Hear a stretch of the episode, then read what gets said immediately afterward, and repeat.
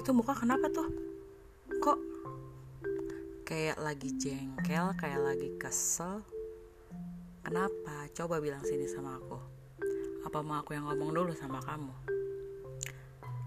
Kalau bisa, sedihnya dihabisin malam ini aja ya.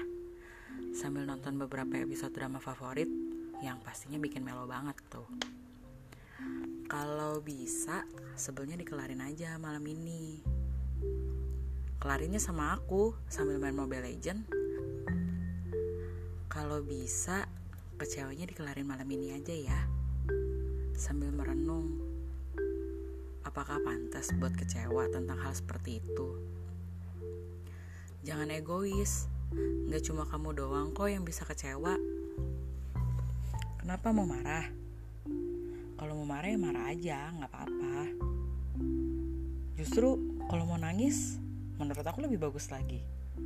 Kalau bisa nangis, nangis aja. Gih, nangis. Sampai mata jadi sembab, sampai sesugukan dan jadi capek karena nangis. Terus ngantuk. Hmm, tapi kalau bisa jangan lama-lama ya.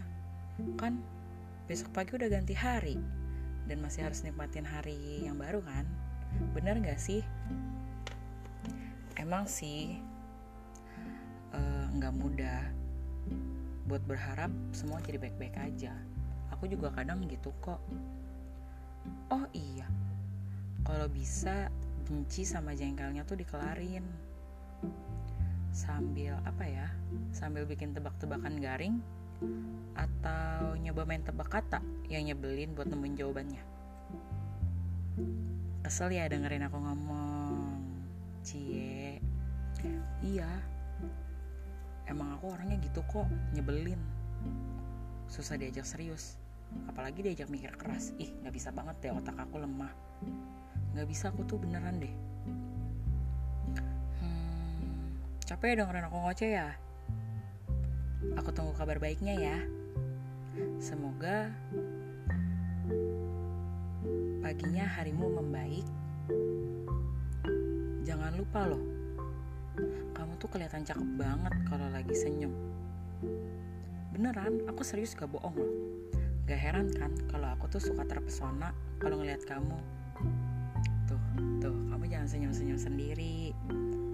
Aku mah jujur, gak mungkin lah aku bohong sama kamu. Kamu mau buktinya? Kalau gak percaya nih sama aku, coba deh cek kamera depan kamu, terus pose deh sambil senyum. Udah deh, fix. Wajah kamu tuh bener-bener mengalihkan dunia aku banget deh.